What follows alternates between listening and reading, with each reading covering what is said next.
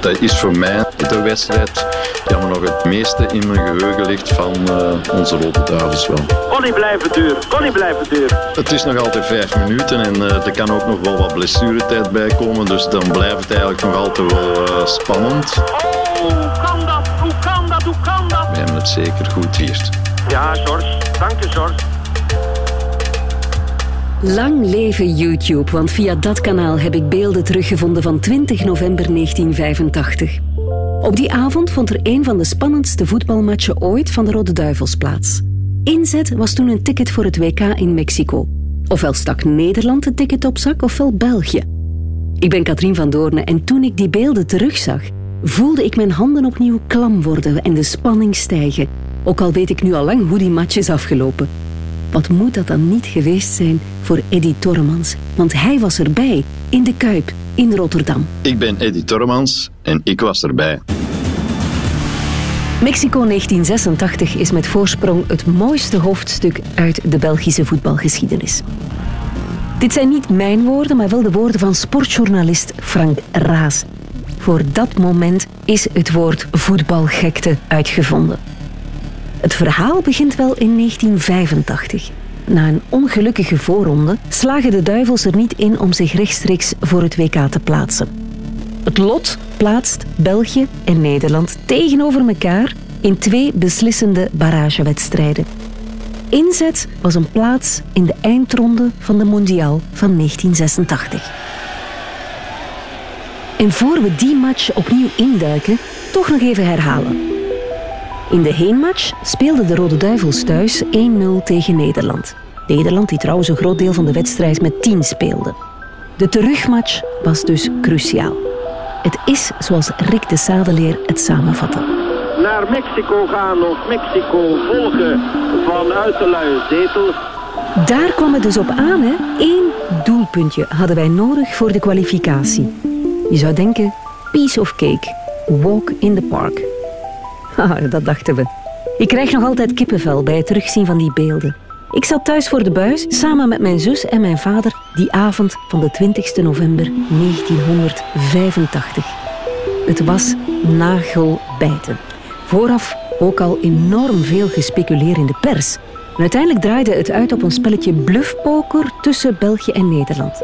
Nederland met zijn trainer Leo Beenhakker, die ziet het rooskleurig in. Ik denk dat we het redden. Ja. Want uh, als de elftal zo speelt en je speelt met 11 man, dan uh, moeten we in Rotterdam, uh, waar we echt 50.000 mensen achter ons hebben, in eigen huis zijn, moeten we dit karwei kunnen klaren. Dus ik ben daar... Duidelijke taal. Ik ben daar zeer optimistisch over, ja. Zeker weten.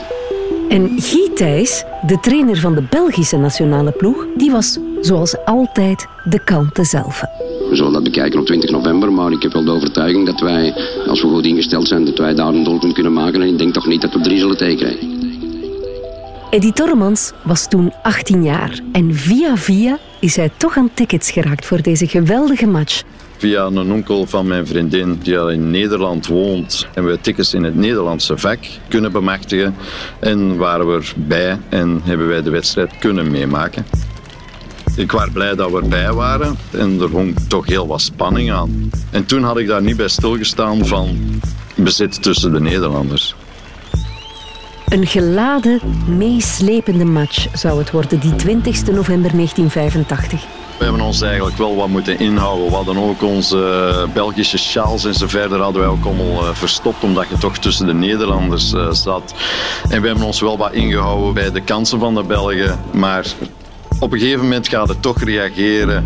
Dat je ziet van uh, er komt weer een kans of er was een kans. En je gaat toch eens even omhoog springen van oh, hij zat er bijna in. Of hij ging er juist naast. Of wat een kansje laten we liggen. Maar rond ons was het eigenlijk allemaal vrij rustig eigenlijk met de Nederlandse sporters. We zaten ook wel in een, rustige vak, uh, eigenlijk een drietal meter van uh, het veld af. En dan om acht uur begint de match. Kijkers thuis die konden alles op de televisie volgen dankzij het commentaar van de onnavolgbare Rick de Zadeleer. Hij kon amper zelf wachten om aan de match te beginnen. Jongens, ik hoor in de verte iets, maar ik versta er niks van. Ik start na de Eurovisie, dia, hè. Zet maar open. Dames en heren, Men is klaar voor de slag. Welkom in de Kuip van Feyenoord. Het was uh, heel koud, want uh, het was ook nog onder nul die wedstrijd. Uh, het veld was ook heel hard bevroren. De meeste of alle spelers speelden eigenlijk met pantoffels, kunnen zeggen, eigenlijk, loopschoentjes. Met voetbalschoenen zou meer een schaatsen geweest zijn dan het voetballen geweest. En er waren ook heel wat spelers die hadden ook broekkousen eigenlijk onderaan hadden voor de koude. De hoe kan dat? Hoe kan dat? Hoe kan dat? Mijn favoriet was vooral Erik Gerritsson. Ik, uh, ik speelde zelf hier in Hoogstraat uh, ook als uh, rechtsachter. Ik draaide ook het nummer 2. Dat was wel echt mijn favoriet zo lang. Jan Keulemans, geweldige speler eigenlijk toch voor die tijd. Leo van der Elst, Leij Kleisters. Jean-Marie Paf, voor die tijd toch wel de beste keeper van de wereld eigenlijk. Ja, dat waren toch wel voor die tijd echt wel legendes. Maar ondanks de vele kansen van die legendes werd er maar niet gescoord. De Rode Duivels die stoten telkens weer op doelman Hans van Breukelen. Nederland met Ruud Gullit, Frank Rijkaard en Marco van Basten beet zich de tanden stuk op het spel van de Rode Duivels. Na een stroeve eerste helft leek het wel of het Nederlands elftal pas na de rust aan de match begon. Want bij de tweede helft bracht de Nederlandse trainer Leo Beenhakker zijn geheim wapen in. John van Loen, de boomlange spits van FC Utrecht, een vuurtoren, een lantaarnpaal, zo werd hij genoemd. Maar Thijs reageerde op gepaste wijze. Van Loen is erbij. Leo van der Elst gaat eruit en Gruus komt erin.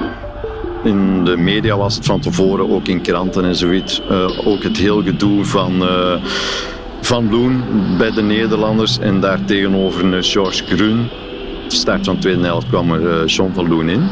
En uh, twee of drie minuten later bracht uh, Guy Thijs uh, George Groen in. Dus om op Van Loen te verdedigen, omdat uh, Van Loen kopbalsterk was en George Groen ook heel kopbalsterk was. Ondanks het feit dat de Rode Duivels kansen bleven maken, de ene na de andere, snelde Nederland in een rotvaart naar 2-0. Goeie voorzet op Keuleman en die is door. Jan schiet dan toch zien een gevaarlijke. Valken. Houtman. Even stond een hart stil. Niet gedaan. De Wit.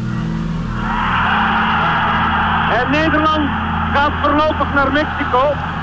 Bij de, die 2-0 waren de Nederlandse supporters echt wel aan het feesten. Want je zag ook de Polonaise hier en daar eh, in het stadion rondgaan. En dan zit je daar als Belg toch maar een beetje uh, beteuterd te kijken eigenlijk. En, maar hoop je toch nog altijd dat dat doelpunt komt. De sfeer bij de Nederlanders zat er toen nog wel echt in. Keuleman, hoog weer gered van Breukelen. Het is niet te geloven, dat kan niet zijn. Daar is iemand tegen ons hierboven. Daar, nee. Oh, weer gered. Die kopstoot van Kleisters. Weer dicht bij dat doelpunt. Ondanks al dat Nederlands talent. De Wolf nu. En daar Keulemans. 1 oh, Jan toch. Bezeten en verlamd door de zenuwen. De wedstrijd wordt vanaf nu een echte thriller. De ene kans na de andere voor de Belgen. En toch komt dat verlossende doelpunt niet. Oranje speelt op veilig. Hun buit is immers binnen. Zij hebben dat ticket naar Mexico 86. Daar gaat Keuleman. Eet ze kort. Och, zie het de zoveelste kans. Mensen, mensen, niet te geloven. Keuleman daar weer weg.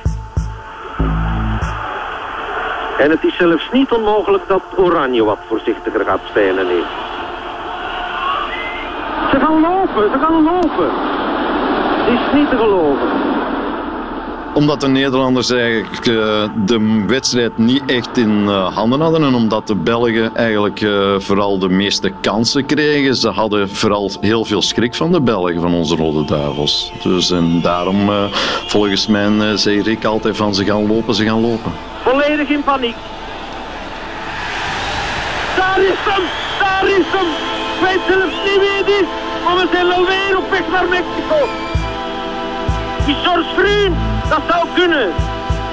George Groen. Oh. Het is om er geel van te worden. Kon niet blijven duren. Kon niet blijven duren. Gietijs heeft gelijk gekregen, want eh, George Groen heeft verschillende keren verdedigend goede ballen weggekopt uh, die aan naar Verloen gingen. Gewoon goede duels. En dan op een gegeven moment helemaal het einde van de wedstrijd, uh, bij de 2-0 achterstand, gingen we weer in een aanval. Erik Gerrits bracht de bal vanaf rechts voor. Daar stond George Groen, Van Loen keek ernaar en George Groen kopte hem heel mooi binnen. En België maakte de 2-1 en waren toen geplaatst voor Mexico. Ja, George. Dank je, George. Het is nog altijd vijf minuten en uh, er kan ook nog wel wat blessuretijd bij komen. Dus dan blijft het eigenlijk nog altijd wel uh, spannend. Dus uh, met dat doelpunt hebben wij natuurlijk ons niet kunnen inhouden. En zijn we wel beginnen te juichen, zijn we wel recht gesprongen. En toen zagen we ineens vlak voor ons ook nog iemand terecht springen. Bleek er nog een Belg in dat vak juist voor ons te zitten. Die we heel de wedstrijd nog niet hadden gezien of gehoord eigenlijk. We zijn in de laatste minuut. Het wordt een kwestie van seconden. Maar nu gaat het niet lang meer duren. Fluit naar de mond. En we gaan. We gaan.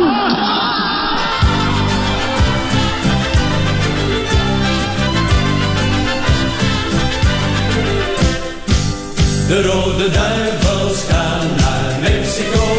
En al die heeft gaat mee. Verder te graven in dat collectieve geheugen? Luister dan zeker naar de volgende aflevering van Ik was erbij. Was je zelf bij een bepaalde gebeurtenis en wil je erover vertellen? Stuur dan een berichtje naar ikwasarbij.radio2.be. We zullen spelen.